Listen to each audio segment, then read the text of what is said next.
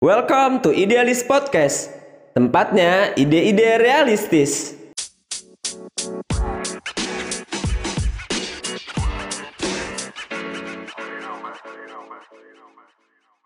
Eh, kita mulai ya bang ya. Iya. Ya. Assalamualaikum warahmatullahi wabarakatuh. Waalaikumsalam. Idealis teman-teman idealis people yang eh, terus setia ngikutin akun Instagram, akun Twitter kami, juga artikel kami, dan baru-baru ini kita mengirimkan podcast-podcast dan juga eh, sudah ada pendengar-pendengar setia kami. Nah, pada sore kesempatan kali ini kita akan eh, live Instagram, akan sama-sama eh, kita akan curi informasi dari pembicara kita, dari pembicara kita yaitu Bang Amar Arisalah. Hmm, dan juga Bang Amar Arisalah sudah bersama kita. Eh, dan mula-mula saya ingin memperkenalkan terlebih dahulu eh, bicara kita, yaitu pemuda yang memiliki nama lengkap eh, Amar Arisalah, kelahiran tahun 92, juga riwayat pendidikannya UNJ, Pendidikan Bahasa dan Sastra Indonesia, tahun 2011 sampai 2017. Juga eh, beberapa publikasi kepenulisan, salah satunya antologi esai sastra tahun 2017. Kemudian juga eh, riwayat eh, organisasi, yaitu co-founder Rawamangun Institute. Eh, ya teman-teman, karena sudah dibaca, dibacakan eh, CV beliau, eh, langsung saja ya untuk menemani waktu ngabuburit teman-teman eh, idealis eh, official atau akun Instagram idealis bersama Bang Amar. Eh, sore kali ini akan sama-sama kita membahas omnibus law. Eh, kenapa mesti diangkat topik ini oleh idealis? Karena eh, ide, eh, idealis official mengamati banyak aktivis-aktivis, sebut saja misalnya Dandi Laksono juga beberapa eh, apa namanya beberapa organisasi-organisasi kemanusia, kemanusia, kemahasiswaan dan juga kemanusiaan mulai mengangkat tema-tema omnibus law. Mengapa? Karena eh, di waktu jenak-jenak begini, waktu-waktu corona, eh, DPR terus eh, membahas tentang omnibus law. Nah, eh, kemudian kita akan sama-sama curi-curi ilmu ilmu dari Bang Amar mengenai mungkin teman-teman belum tahu betul omnibus law bagaimana dan ke depannya bakal bakal seperti apa. Gitu mungkin barangkali teman-teman. Eh, ya waktu dan eh, kesempatan saya berikan kepada Bang Amar. Silakan Bang Amar. Oke. Ya, Assalamualaikum warahmatullahi wabarakatuh. Waalaikumsalam warahmatullahi wabarakatuh. Oke, eh, ini bahasannya tentang omnibus law gitu ya. Tapi di tengah-tengah pandemi corona ini kan, mudah-mudahan wabah ini segera berlalu. Meskipun begitu, saya kemarin dapat kabar bahwa teman-teman buruh itu masih tetap mengadvokasi ya. Ada beberapa di antara mereka Iya. turun ke lapangan daerah-daerah, gitu kan. Nah, tapi saya mau bicara dulu ya. Sebenarnya dasar eh, saya nggak mau bicara terlalu normatif gitu. Dasar dibalik penyusunan omnibus law ini kan sebenarnya saya, saya pikir ya kecurigaan kita itu eh, pemerintah itu sebenarnya mau membuka lapangan kerja dalam rangka eh, ini ada 10 juta tenaga kerja itu nggak kerja sama sekali, ya kan? Makanya mau buka lapangan kerja. Akan tetapi pemerintah itu maunya ngambil shortcut. Nah, shortcutnya itu gimana? Di saat yang sama itu kan ada seorang menteri ya, perdana menteri Indonesia Pak Luhut Binsar Panjaitan itu dia bawa proposal banyak sekali ya ke berbagai negara. Salah satunya memang eh, ke negara-negara penghutang di IMF. Dan yang kedua ke negara-negara yang tergabung ke dalam One Belt One Road inisiatif di Cina, gitu kan? Cuman ada satu nih hambatannya gitu loh. Kenapa perusahaan-perusahaan itu tidak bisa berinvestasi di Indonesia? Satu, aturan-aturannya kan banyak gitu kan, berlapis-lapis gitu loh. Eh, udah ngurus di tingkat kementerian kan di tingkat provinsi banyak pungli di tingkat kota banyak pungli gitu kan. Eh, terus lagi kan ternyata tenaga kerja di Indonesia itu bukan tenaga kerja yang satu mengerti bahasa asing. Terus yang kedua bukan juga tenaga kerja yang dalam tanda kutip berpendidikan gitu loh. Mayoritas tenaga kerja di Indonesia itu kan masih tamatan SMA ya kan? Itu untuk tenaga kerja yang white collar eh, ini yang kemudian menyebabkan pemerintah menganggap ini investor nggak mau masuk kalau begini caranya gitu kan Nah, ini yang saya lihat ya, sebagai kompensasi akhirnya diciptakanlah omnibus law yang terlalu eh, apa ya bahasanya, terlalu meminggirkan hak-hak tenaga kerja white collar gitu ya. Tapi yang saya amati pekerja-pekerja yang menengah ke bawah yang masih di bawah UMR. Kalau pekerja-pekerja kelas atas yang sudah di atas 5 juta gajinya ya, di atas 6 juta atau segala macamnya, itu mereka relatif tidak terlalu terancam meskipun saya juga mengamati nanti kita analis ya, ada juga sisi terancamnya. Nah, itu yang pertama. Terus yang kedua, memang uh, selama ini gitu ya, pemerintah itu tampaknya mencoba mencari jalan pintas gitu loh. Biar sumber daya alam Indonesia itu cepat terolah gitu kan sehingga apa? IMB sama apa? AMDAL itu kan dihapus. Nah, kebanyakan sekarang di daerah-daerah itu korporasi-korporasi itu IMB-nya bermasalah. Satu itu. Terus yang kedua, AMDAL-nya jelek banget. AMDAL itu kan analisis ini perusahaan ngambil air dari mana gitu kan Eh, bekas tambangnya di mana dibuangnya, terus lubang tambangnya seberapa dalam dan lain sebagainya itu rata-rata nggak ngurus gitu loh. Dan akhirnya daripada nggak diurus gitu kan sama pemerintah dibatalkan aja peraturannya sekalian. Nah ini bahaya. Artinya apa sudah mulai upaya sistematis ya udah dari pemerintah untuk membiarkan kerusakan alam. Itu loh itu yang saya amati dan motif utamanya keserakahan gitu loh. Pemerintah itu maunya ngambil shortcut gitu kan maunya serakah gitu, biar cepat berkembang dan lain sebagainya. Padahal masalah utama iklim usaha di Indonesia itu selain tidak adanya atap ya atap yang satu gitu ya, untuk menaungi semua aturan memang kualitas tenaga kerja kita ya kan? Uh, sehingga gitu ya uh, kalau misalnya mau diambil jalan pintas seperti itu perbaiki dulu kualitas pendidikannya gitu loh. Itu yang pertama yang kedua ya kan pemimpin-pemimpin daerahnya diperbaiki. Kan gini yang jadi masalah. Uh, sebelum adanya omnibus law ini kan yang terjadi perizinan di daerah-daerah itu sulit. Makanya kan banyak bupati-bupati pada kena kasus suap ya kan untuk mempermudah izin. Mengapa? Karena memang e, tampaknya ya dari presiden ke pemerintah daerah itu tidak ada satu jalur koordinasi usaha yang jelas. Ini adalah residu demokrasi gitu. Residu demokrasi itu artinya begini ini resiko yang muncul ketika uh, di daerah kota itu tidak dari satu partai atau tidak dari satu fraksi yang sama dengan pemerintah. Nah, makanya wewenang gubernur sama wewenang Pemda kan dihapus ya, diambil alih. Terus yang kedua, uh, jalan pintasnya lagi ya tadi IMB sama AMDAL itu dihapus. Nah, gitu kan. Sehingga apa yang terjadi? Yang terjadi adalah nanti akan lebih mudah lagi mengeruk kekayaan alam di Indonesia dengan buruh-buruh yang diupah sangat murah, terus peraturan-peraturan yang sangat gampang. Akhirnya rakyat dapat apa? Rakyat cuma dapat lapangan kerja. Rakyat cuma dapat lapangan kerja, udah. Tapi nggak dapat pajaknya, nggak dapat kemakmurannya, nggak dapat. Nggak dapat sama sekali. Dan ini yang mengkhawatirkan gitu ya. Apalagi sekarang untuk jabatan-jabatan manajer dan lain sebagainya itu sudah mulai bisa diisi oleh tenaga kerja asing. Kan sebagai pelengkap Undang-Undang Cipta Kerja ini ada Undang-Undang Nomor 24 tahun 2009 kewajiban bagi pekerja asing untuk e, menguasai bahasa Indonesia. Tapi kan ternyata itu sudah nggak dilaksanakan lagi, ya itu sudah nggak dilaksanakan lagi sehingga apa yang terjadi tenaga kerja asing semakin mudah masuk. Itu. Nah ini sebenarnya uh, garisnya itu atau akar masalahnya itu sudah dimulai sejak di zaman SBY. SBY itu saat itu bikin KKNI ya, kerangka kualifikasi uh, nasional Indonesia. Itu manusia di level-levelin sama dia, dibagi marhalah-marhalah bahasanya. Uh, dari yang apa namanya? Pokoknya manusia tamatan SMA, SS, apa SMP, SMA, gajinya berapa gitu ya. Tamatan S1 bisa kerja di mana, gajinya berapa dan lain sebagainya itu ya. Nah, sehingga kemudian nanti akan mempermudah investor atau mempermudah uh, apa namanya korporasi-korporasi untuk mencari segmen lapangan kerja. Itu ya. Satu. Terus kedua saya mau bicara tentang uh, mazhab ekonomi yang digunakan oleh pemerintahan sekarang. Gitu ya. Meskipun saya anak sastra tapi saya sedikit paham.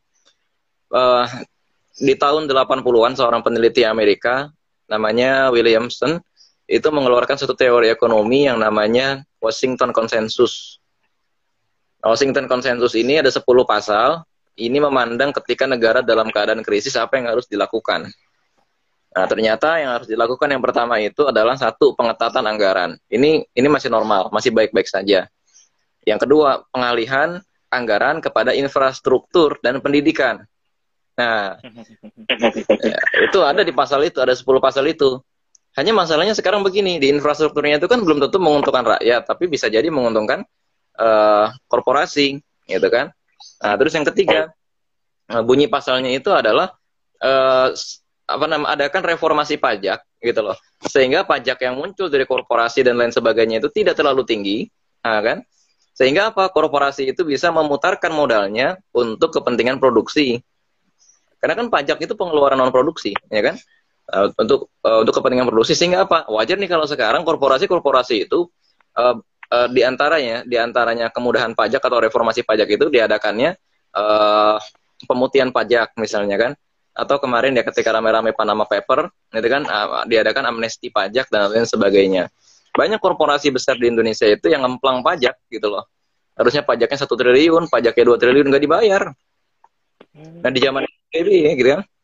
Di zaman SBY dikejar tapi di zaman Jokowi diampuni ini kocaknya apalagi kemarin di tahun 2000 apa namanya di 2013an ya di akhir masa pemerintahan SBY itu ada yang namanya Panama Paper dan itu unik ya. Ada satu perusahaan kenapa nama paper mil, apa triliunan ya.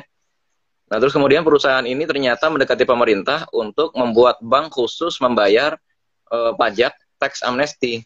Kocak. Jadi satu perusahaan yang sama dia kena masalah, cuman semua perusahaan lain yang kena masalah juga suruh bayar ke dia gitu loh. Ya namanya Sinarmas, inisialnya Sinarmas. Ya. Uh, iya, inisialnya Sinarmas. Oh, mau sekalian juga disebutin siapa pemiliknya Bang Amar.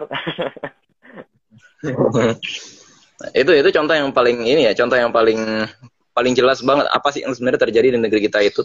Nah, terus yang keempat itu adanya penyederhanaan aturan-aturan uh, investasi sehingga apa? Menurut apa namanya menurut Washington Consensus itu negara itu akan bisa dibangkitkan kalau banyak uang masuk ke Indonesia, uang asing gitu loh. Nah, itu ya. Sehingga apa yang terjadi? Yang penting kan investasi asing masuk dulu nih. Ya udah aturan disederhanakan apa dan lain sebagainya. Makanya ini benar-benar aturan yang neokapitalis itu, kapitalis banget, bahaya. Ya. Benar-benar neokapitalis dan ini kenapa kok bisa neokapitalis begini? Menteri Keuangannya sama. Sri Mulyani dan kawan-kawan. Orang ini sebenarnya pangkalnya gitu loh. Itu kan? Memang dia itu masuk ke dalam satu mafia namanya mafia berkelahi. Dan apa sih masalahnya dengan mafia berkelahi? Mazhab ekonominya. Itu loh. Mazhab ekonominya yang jadi masalah. Nah itu ya. Makanya nah sekarang kalau kalau kita kembali kepada pembahasan masalah omnibus law jadi omnibus law itu cuma semacam buih dari masalah besar di bawah gitu loh puncak gunung es nah gitu ya satu itu. Terus yang kedua, ini cermin ketika negara itu tidak diatur secara sentralistik oleh presiden. Nah, coba kalau kita analisis. Jokowi itu memang menang pemilu, tapi dia tidak berkuasa. Ya, karena ideologi PDIP itu sebetulnya dekat dengan Partai Islam. Uh, dalam tanda kutip adalah secara ideologi ekonomi. Karena ideologi ekonomi PDIP itu sosialis marhainis. Dia tidak kapitalis PDIP itu. Tapi kalau teman-teman perhatikan, jajaran Kementerian uh, ekonomi ke bawah itu orang kapitalis semua. Ya, orang Golkar dan lain-lain. Bahkan banyak di antara mereka itu bukan orang partai, tapi mereka adalah orang dalam tanda kutip profesional, kapitalis yang profesional gitu loh. Iya, di antara mereka gitu banyak perusahaan, ya banyak menteri menteri-menteri yang di zaman Megawati dulu atau di zaman SBY dulu bikin masalah sama Jokowi dimuliakan lagi, ditempatkan lagi gitu loh. Kenapa? Karena memang ada misi di situ. Ada ada misi untuk mempermudah investasi dan lain sebagainya. Nah, ini yang yang menjadi masalah. Kenapa penyebabnya? Karena balik lagi, memang rezim sekarang itu tidak berkuasa dengan jalan yang natural. Sehingga apa? Sebenarnya sulit ngangkat Jokowi kemarin itu. Perlu banyak duit dan lain sebagainya. Nah, akan tetapi PDIP ambil jalan pintas. Jalan pintasnya apa? Kerjasama dengan investor. Gitu kan? Kerjasama dengan investor. Satu itu, itu cuma gejala kecil ya. Terus tadi saya juga ngelihat di apa namanya di BBC gitu ya. Ada satu diskusi menarik di sana. Kenapa pekerja-pekerja white uh, blue collar, blue collar itu pekerja-pekerja kantoran. Ya, seperti para penerjemah gitu ya dan lain-lain sebagainya. Para pekerja blue collar itu rata-rata tidak peduli atau individualis gitu ya. individualis terhadap isu ini. Nah, setelah diwawancara dan dilakukan FGD, ternyata penyebabnya begini. Pekerja-pekerja blue collar itu satu sudah ada di zona nyaman, gajinya sudah di atas 5 juta, ya kan? Gajinya sudah di atas 5 juta. Terus yang kedua, relatif ternyata persaingan kerja di kalangan white collar, eh, blue collar itu, itu ternyata terlalu individualis. Sehingga mereka nggak peduli mau ada undang-undang apa segala macam. Kenyataannya sekarang atas nama efisiensi banyak pekerja-pekerja itu yang dipecat. Ya kan? Misalnya ada satu divisi, perusahaan bilang mau ada efisiensi dan lain sebagainya. Akhirnya apa yang terjadi? Mereka dipecat.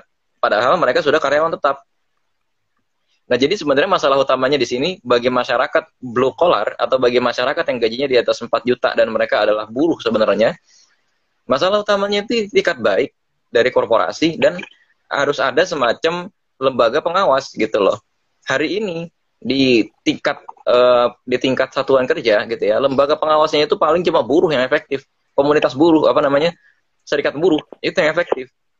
Sisanya mau ada kadin kayak mau ada apa kayak kenyataan itu nggak efektif karena mereka ngurusin hal-hal yang sifatnya makro. Hal-hal mikro seperti misalnya uh, ada karyawan-karyawan yang mau izin melahirkan lah, karyawan yang izin haid lah, atau karyawan yang izin jihad di medan perang kali ya, izin daurah dan lain sebagainya itu nggak dilindungi gitu loh haknya nggak dilindungi sebab itu sebetulnya dengan atau tanpa undang-undang cipta kerja sama aja ternyata bagi kalangan blue collar. Gitu loh karena ternyata praktek kapitalisme ya, atau praktek yang ada dalam undang-undang ciptaker ya cipker itu sudah ada. Nah sekarang yang jadi masalah adalah di kalangan masyarakat yang white collar. Nah ini di kalangan masyarakat white collar gitu ya tuh buka satu majelis taklim isinya uh, apa namanya masyarakat masyarakat white collar gitu yang gajinya UMR pas atau di bawah UMR dan mereka itu dikontrak nyaris seumur hidup gitu loh. Kerja dua tahun gitu kan di tahun ketiga nggak diangkat jadi tetap tapi dikasih pilihan mau keluar apa mau kontrak lagi gitu outsourcing. Nah apa yang terjadi? Karena satu ya mereka itu karena tingkat pendidikan rendah gitu kan. Satu itu rata-rata mereka di kantor melampiaskan kelelahannya dengan cara apa? Mereka itu melampiaskan kelelahan dengan cara main perempuan dan pakai narkoba. Nah, itu loh. Nah, main perempuan dan pakai narkoba ini membuat beban rumah tangga mereka itu semakin besar sehingga gaji mereka itu kepotong terus. Ya kan? Nah, karena gaji mereka kepotong terus gitu ya. Akhirnya saya juga punya punya apa namanya? punya teman, dia ini buka usaha, usahanya apa? rentenir. Jadi sekarang di kalangan white collar itu biasa banget ATM mereka untuk setor gaji itu dipegang sama rentenir karena mereka punya utang banyak akhirnya gaji mereka bulan ini itu nggak bisa mereka ambil. Akhirnya mereka ngapain? Ngutang lagi, kerentenir lagi. Nah sebenarnya masalah utamanya tuh ini gitu loh. Satu, selain memang e, pemerintah tidak terlalu kuat mengontrol uh, kapitalis gitu ya, mengontrol korporasi. Terus yang kedua, memang pendidik pendidikan gitu loh yang ada di tengah-tengah kalangan buruh itu minim banget. Minim banget ya. Kan ya buruh itu kan juga punya hak rekreasi gitu kan, hak, hak rekreasi dan hak religi nah hak rekreasinya sudah tidak dipenuhi gitu kan hak religius juga nggak ada nggak ada pendidikan agama gitu loh tapi gimana mau pendidikan agama orang kerjain enam hari seminggu ya nggak kerja enam hari seminggu terus dalam sehari belum termasuk dengan perjalanan jadi mereka kira-kira ya eh, sekitar setengah hari itu kan di pabrik nah ini yang menjadi masalah kelindannya itu banyak sekali dan pemerintahan pusat itu mainnya praktis aja sementara mental pemerintahan daerahnya juga parah gitu loh. Kenapa? Satu, ini pemerintah daerah. Jadi dulu di zaman Orba itu, kenapa ada kota, ada kabupaten? Eh, kota itu menjadi pusat aktivitas masyarakat dan pusat keuangan. Sementara kabupaten itu menjadi pusat pertanian untuk menyokong pangan di kota tersebut. Nah, sehingga misalnya kalau terjadi perang, ini ini uh, warisan perang gitu ya, warisan zaman perang. Kalau terjadi perang misalnya kan, uh, misalnya kalau di Jawa Barat uh, ujung paling timur di Jawa Barat itu kan Cirebon, ya enggak? Cirebon kena, di bom habis segala macam, Indramayu nggak kenapa-napa. Nah, Indramayu di bom habis segala macam, Subang nggak kenapa-napa. Terus sampai ke Jakarta, karena apa? Masing-masing sudah punya ketahanan pangan. Tapi, nah sekarang gubernur itu, atau bukan gubernur sih tepatnya, bupati-bupati itu berlomba-lomba membangun kabupatennya seperti kota. Sehingga konversi lahan itu besar. Lahan yang harusnya untuk pertanian dikonversi untuk lahan-lahan yang lain. Apalagi dengan adanya nanti undang-undang Cipker ini, kemungkinan besar para bupati itu ya akan mengkonversi lahannya menjadi tambang, menjadi pusat industri apa segala macam. Contoh yang sudah terjadi itu adalah di Kabupaten Bogor dan di Kabupaten Karawang. Udah terjadi seperti itu. gitu loh ini kan artinya kebusukan ini dibiarkan begitu aja dan masalahnya itu bukan cuma regulasi gitu loh tapi masalahnya tingkat baik untuk menjaga ini mau nggak gitu loh apalagi sekarang ya bupati-bupati sama wali kota yang artis nggak ngerti apa-apa kan ya gitu loh iya mereka taunya ya udah yang penting menang gitu kan. Yang penting menang udah kelar. Mereka nggak ngerti apa-apa diatur mereka tuh sama partai-partainya. Sebenarnya partai-partainya itu ya tunduk sama pemerintahan pusat. Nah sekarang yang terakhir yang mau saya bicarakan adalah coba kalau teman-teman perhatikan proses pemilu 2014 dan 2019 kecurangan itu terjadi di mana kebanyakan? Kecurangan itu kebanyakan terjadi di kabupaten bukan di kota. Padahal pemilih-pemilih di kota itu lebih banyak. Kenapa? Nah, karena ternyata di kabupaten itu potensi tambang dan potensi tanah kosong itu masih luas. Sehingga apa? Sehingga potensi keuangan itu sangat besar. Sehingga ya partai-partai yang kita tahu ya berkuasa di kabupaten-kabupaten gitu kan, itu benar-benar ngotot mempertahankan kemenangannya sampai mengerahkan preman untuk membunuh orang. Ya saya sendiri lihat gitu loh. Mengerahkan preman untuk membunuh sampai sampai nyebar uang 200 ribu per suara gitu kan. Karena memang potensi tambang, potensi laut dan lain sebagainya itu besar. Nah gitu loh. Jadi mau ada omnibus law kayak mau enggak kayak ini tuh masalahnya di empat partai besar pemenang pemilu yang sekarang emang brengsek semua gitu loh. Gitu kan? Emang emang yang terjadi empat partai besar yang sekarang menang pemilu itu itu bukan partai yang benar-benar pro rakyat ya. Satu itu kan? Terus yang kedua ini ada satu contoh kasus mengapa sebenarnya omnibus law itu cuma puncak gunung es? Ada sebuah daerah ya eh, saya nggak usah sebut nama daerahnya gitu ya ada sebuah daerah di ujung timur Pulau Jawa gitu ya uh, jadi begini ceritanya mayoritas pengusaha-pengusaha di sana itu adalah pengusaha garam. Nah kan sekarang teman-teman sering mendengar ya petani garam itu terancam bla bla bla ya pokoknya hal-hal hal-hal itulah gitu ya. Ternyata begini eh, petani-petani garam itu itu cuma eh, bisa menjual garam-garamnya itu ke beberapa tengkulak. Nah sekarang ketika masuk musim pilkada pemilihan bupati atau pemilihan wali kota ternyata tengkulak-tengkulak itu maju menjadi calon uh, bupati Nah sekarang apa yang mereka gunakan untuk kampanye? Jadi mereka itu satu ngumpulin masa dengan cara apa? Ngumpulin masanya dengan uh, semua petani yang apa namanya bertani garam, itu kan itu diminta untuk menjadi tim kampanyenya dan juga diminta untuk ya pokoknya harganya diatur dan lain sebagainya. Ini mafia. Nah sementara kan kita tahu kenapa sih garam itu kan kebanyakan impor dan lain sebagainya itu uh, kualitas di Indonesia itu jelek. Karena memang sebenarnya dimainin sama tengkulak-tengkulak dan tengkulak-tengkulak itu sekarang jadi bupati. Nah, gitu loh. Jadi ini mirip seperti kartel narkoba di Meksiko. Kartel narkoba di Meksiko itu kan sampai mereka itu mengendalikan pemilihan wali kota, sampai mereka itu mengendalikan pemilihan gubernur. Itu yang terjadi sekarang di Indonesia. Dengan pekerja kayak mau ada pengurangan pajak kayak mau ada penambahan masa sewa lahan sampai 90 tahun kayak masalahnya bukan itu adalah itikat baik dari pemerintah, mau nggak pemerintah itu e, memperbaiki itu semua? Dan saya yakin sebenarnya mau, tapi nggak punya kekuatan. Karena apa? Ini resiko demokrasi. Demokrasi itu yang main adalah keseimbangan antara elemen negara. Sekarang pemerintahan pusat itu tidak bisa menjaga perimbangan antara elemen kekuasaan. Sehingga yang terjadi di belakang mereka itu, itu para menteri itu saling sikut, saling tikam. Gitu ya. Partai-partai itu saling sikut, saling tikam. Dan Mengapa? Karena memang pada dasarnya mereka-mereka itu memperjuangkan kepentingan investor, bukan kepentingan rakyat. Nah, kira-kira itu dulu yang bisa saya bahas gitu ya. Memang agak agak tajam, tapi emang ciri khas saya ini. Iya. Bang. Uh, tadi kan suka sih di poin yang empat empat partai itu brengsek. Nah, misalnya nih bang, misalnya empat partai itu jatuh, besok empat partai itu besok jatuh, dan bang Amar tuh uh, apa namanya punya kendali di satu partai yang nanti nguasain di Indonesia. Nah, kira-kira keseimbangan apa yang dipengenin sama partainya Bang Amar? Cara menuju ke keseimbangannya itu Bang, yang tadi yang diucapin Bang Amar.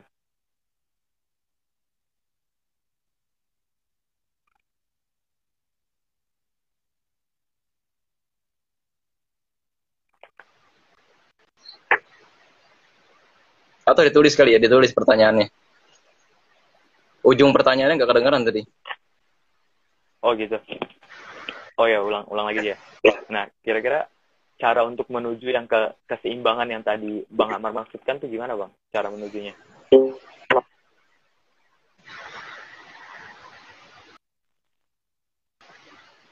Kedengeran Bang?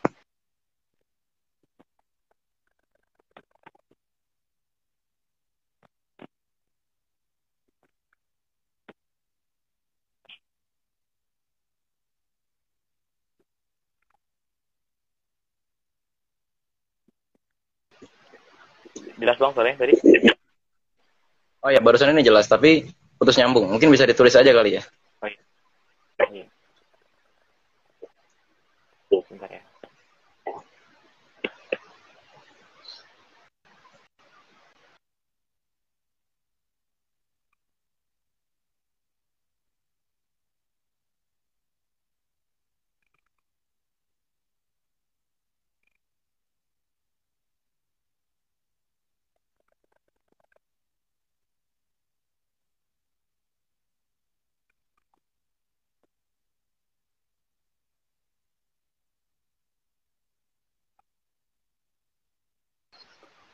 Oke. Oh, bagaimana cara menuju keseimbangan yang saya maksud? Oke ya. Ya, pertama memang begini. Keseimbangan itu akan muncul dari itikat baik. Bila masing-masing partai itu benar-benar pro rakyat sesuai dengan apa yang mereka tulis di ADART, sesuai dengan apa yang mereka tulis setiap musyawarah-musyawarah dan pidato-pidato. Hanya kan sekarang masalahnya begini, di negara demokrasi itu ongkosnya besar. Eh, kalau kita misalnya mau review ya di kitab Majmu' atau Rosail ya di kitab kuning gitu ya kitab kuning namanya Majmu' atau Rosail Hasan al Banna itu pernah menganalisis Mesir itu itu kosnya besar. Kenapa politik di Mesir itu eh, daya rusaknya lebih besar daripada daya membangunnya. Dulu di Mesir kira-kira pada tahun 1930-an. Salah satu alasannya adalah sistem kepartaian itu ongkosnya besar. Lantaran biaya untuk pemilihan dan lain sebagainya. Satu itu. Terus yang kedua, partai-partai itu gitu ya ternyata memang tidak memperjuangkan kepentingan rakyat tapi sekedar hanya untuk berkuasa. Itu jadi kendaraan politik untuk memuaskan kepentingan pribadi. Nah makanya sekarang kalau misalnya mau seperti itu harus ada kekuatan penyeimbang. Non partai jadi aktor-aktor non partai tapi berpengaruh di negara. Aktor-aktor non partai itu ada tiga. Satu ormas. Yang kedua elemen keagamaan. Ketiga mahasiswa. Nah itu aktor non partai untuk menjadi penyeimbang di sebuah negara dan sekarang itu kan ada uh, tiga partai ya yang apa namanya punya aktor-aktor non negara di balik itu kan ada PAN, ada PDIP, sama ada PKS tuh mereka mereka bertiga itu punya aktor non negara sebagai tools untuk bisa mencapai keseimbangan. Nah, tapi ya uh, apa namanya selain mengandalkan aktor-aktor non negara tadi untuk bisa atau aktor-aktor non partai tadi untuk bisa menuju keseimbangan, kita juga harus meningkatkan tingkat kependidikan orang. Sekarang aja sampai level mahasiswa masih ada yang ngerti politik. Ya kan, milih caleg asal kenal. Ya kan? Jangan kan ngerti politik gitu loh. Maksudnya gini, ngelihat TV aja ada berita corona gitu kan ada berita omnibus law itu masih masih apa ya? Ini contohnya kemarin mahasiswa itu kan masih berantem persoalan perlu atau enggak kita itu PSBB kan karantina wilayah. Level mahasiswa aja masih berantem gitu loh dan berantemnya sangat tidak substantif gitu kan? Kalau kita lihat percakapan-percakapan di media sosial. Maka keseimbangan itu tingkat apa ya bahasanya tingkat tingkat partisipasi publik aktor aktor non partai ini bisa dinaikkan. Non partai dinaikkan. Terus yang kedua eh, gimana ini saya juga tertarik dengan solusi yang kemarin diajukan oleh Fahri Hamzah ya biaya kampanye partai itu disupport oleh negara. Saya mengerti latar belakang kenapa Bang Fahri itu eh, apa namanya politik ya atau biaya kampanye diajukan atau ditanggung oleh negara. Akan tetapi saya rasa itu cuma solusi jangka pendek, ya kan? kan? Karena apa? Karena itu tetap pajak dari rakyat. Ada sektor yang lebih urgen, ya kan? Ada sektor pembangunan, sektor kesehatan, sektor pendidikan dan lain sebagainya. Itu sih sebenarnya yang saya yang saya sorotin. Sama yang terakhir gini ya, mental para PNS ya mental para PNS ini jelek banget. Ya saya harus kritik dengan tegas gitu ya. Pelayanan misalnya pelayanan pelayanan di berbagai macam sektor pemerintahan itu masih jelek banget. Masih warisan zaman orba gitu ya. Masih siapa yang deket dia akan dilayani duluan. Nah, ini yang menjadi ya kan menjadi masalah. Dan ini gawatnya terjadi juga di kampus itu loh. Kampus kan pelayanannya masih seperti itu ya. Masih siapa yang deket ya itu yang gue layanin gitu kan. Nah ini yang apa namanya yang harus kita perbaiki sama-sama. Dan itu caranya gimana? Maksimalkan kita sebagai mahasiswa sebagai aktor non negara ya aktor non non partisan gitu untuk uh, mendesak perbaikan-perbaikan terjadi di berbagai sektor. Itu. Uh, ini bang kan idealis ini ini ya apa namanya benar-benar kayak dapat suara-suara dari anak muda. Nah anak-anak muda ini yang mahasiswa ini bingung bang. Jadi sekarang kan emang lagi corona kan artinya kita nggak bisa nge, apa namanya ada mobilisasi buat nggak setuju sama omnibus law. Tapi tetap aja masih dibahas di di DPR berita yang terbaru kan seperti itu. Nah kira-kira karena kita nggak bisa datang ke DPR tapi DPR masih melanjutkan nah gimana cara mahasiswa neken DPR supaya nggak seenggaknya nggak melanjutkan dulu omnibus law di masa-masa pandemi? Oh gitu ya gimana mahasiswa agar tidak uh, agar mengawal ya cara mengawal gitu. Saya kira uh, ada banyak cara tapi kita memang sudah harus move on dari cara-cara yang lama. Cara lama itu gimana? Aksi dan lain sebagainya itu saya rasa sudah kurang efektif ya. Uh, selain misalnya kecenderungan masyarakat sekarang yang tidak terlalu apa tidak terlalu tidak terlalu senang sama aksi gitu ya. Dan aksi-aksi mahasiswa itu juga udah mulai ditunggangi sekarang oleh berbagai kepentingan politik gitu kan ditunggangin. Saya jujur aja gitu. Aksi mahasiswa sekarang udah mulai, ditunggangin. Nah ada beberapa cara gitu ya. Cara pertama uh, buat pergerakan kita itu lebih intelek ya. Ajukan misalnya uh, kita bikin media gitu ya. Atau misalnya ajukan diskusi-diskusi semacam ini tapi yang bisa dinikmati oleh publik. Nah, satu itu. Terus yang kedua, ajukan draft-draft tandingan gitu loh. Tunjukkan bahwa mahasiswa itu bisa apa namanya bisa menciptakan uh, tawaran yang bagus. Nah, terus yang ketiga, coba mahasiswa itu jangan biasakan uh, lintas akademik gitu loh. Misalnya dia jurusan apa, bahasnya apa gitu kan. Uh, ada bagusnya ya uh, gerakan mahasiswa itu terpusat di BEMNUS, di BMSI dan lain sebagainya. Akan tetapi kalau cara bagi-bagi isunya itu tidak dengan melihat latar belakang kampus, ini akan bahaya banget gitu loh. Contohnya UIN atau UNJ itu kan latar belakangnya pendidikan, ya kan? Nah, tapi kalau dapat isunya migas gimana kan? Gitu ya. Jadi maksudnya ini misalnya kan sekarang harusnya yang paling vokal tentang PSBB belajar jarak jauh itu kan UIN sama UNJ ya nggak? Yang paling vokal harusnya itu. Tapi kenapa e, seakan-akan mahasiswa UIN sama UNJ nggak ngomong apa-apa ya? Karena memang kita terbiasa dengan lintas sektor gitu loh kita dikendalikan juga oleh media media kita ini apa kita ngikut nah harusnya kan kita sangat marah ketika ada sosok non uh, yang bukan dari kalangan pendidikan maju menjadi menteri pendidikan ya statement-statement orang yang ngerti pendidikan gitu loh kan itu yang yang apa yang pertama ya terus yang ketiga gerakan mahasiswa zaman sekarang itu kurang inklusif ya inklusif dalam arti tidak bisa merangkul elemen-elemen masyarakat seperti misalnya mahasiswa dengan buruh mahasiswa dengan pedagang-pedagang kecil, mahasiswa dengan apa-apa dan lain sebagainya itu nggak nggak ini ya nggak nggak nggak inklusif gitu loh nggak menyatu. Memang sekarang ada kecenderungan gerakan mahasiswa itu mulai jadi kayak gerakan-gerakan filantropi gitu ya. Tapi saya rasa sebagai mahasiswa ada tanggung jawab tertentu yang kita itu jangan cukup sampai buka apa buka bimbel di tengah-tengah masyarakat. Atau buka taman bermain di tengah-tengah masyarakat. Ya buka buka apa buat taman baca. Nggak cukup sampai di situ. Itu cara mahasiswa untuk mengenali isu apa yang terjadi di tengah-tengah masyarakat. Bukan cuma memuaskan hasrat untuk main sama anak kecil. Ya bukan cuma memuaskan hasrat untuk bisa melayani orang orang tua dan mungkin orang-orang yang kurang mampu gitu ya. Bukan begitu gitu loh. Tapi ini cara kita untuk mempelajari dampak langsung dari sebuah karena kita ada di tengah-tengah masyarakat nah mahasiswa lah yang mampu menjembatani itu sekarang kita itu kalah sama LSM ya kan kalah kita sama LSM. Kenapa? Karena gerakan mahasiswa ya tadi kayak gamang gitu loh. Kayak gamang. Apalagi kan kita sekarang dibohongin kan, oh generasi milenial adalah begini begini begini. Nah, itu dusta itu, ya kan? Teori generasi milenial itu relevan untuk negara-negara Barat, gak relevan untuk negara kita. Generasi milenial di negara Barat itu katanya generasi yang melek teknologi. Nah sekarang, ya kan di daerah-daerah aja, jangankan melek teknologi, power sinyal aja gak ada, ya kan? Kuota aja mahal bang. Kuota masih mahal, listrik kagak masuk gitu loh. Saya udah ke Pangkalan, ke Sumbawa, ke mana, ke mana, ke mana, ke daerah-daerah yang di peta aja nggak ada gitu loh. Itu banyak pemuda yang di sana. Negara Indonesia itu belum masuk ke level generasi milenial, belum. Nah, gitu loh. Nah, makanya ini kalau kita sampai salah analisis gitu ya, sebagai mahasiswa, sebenarnya generasi kita tuh generasi yang apa sih? Dan saya menawarkan satu tesis gitu ya kita itu bukan generasi milenial, tapi kita itu generasi yang setiap generasi itu akan memperbarui nilai-nilai lama dari generasi kita sebelumnya. Ya, uh, ada sebuah survei dari Lingkar Survei Indonesia pada tahun 2018.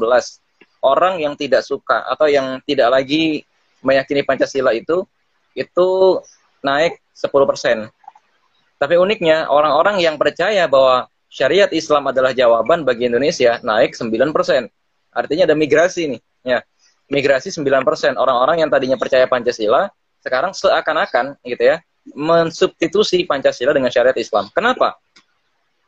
Satu, oknum yang menjalankan Pancasila sekarang itu bukan Pancasilanya yang salah ya, tapi oknum yang sekarang menjalankan Pancasila itu gagal menjalankan amanat Pancasila. Nah, kita sebagai generasi milenial sebenarnya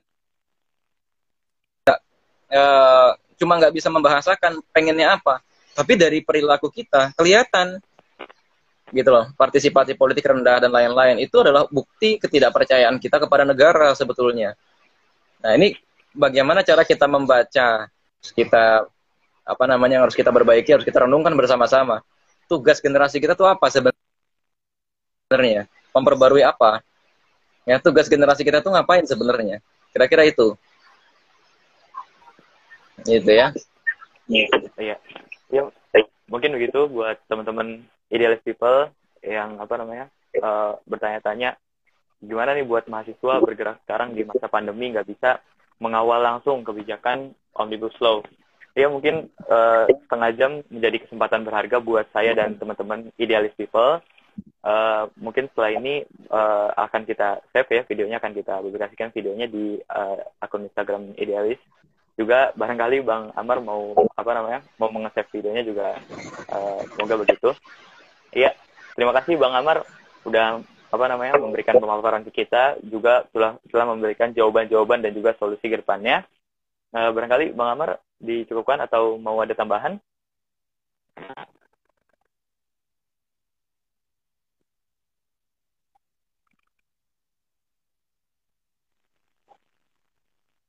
Oh iya.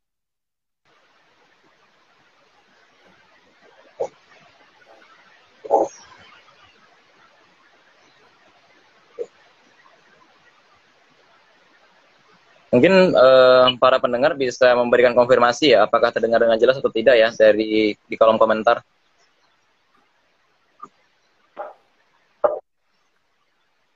Ini ada akun investor bucin siapa ya?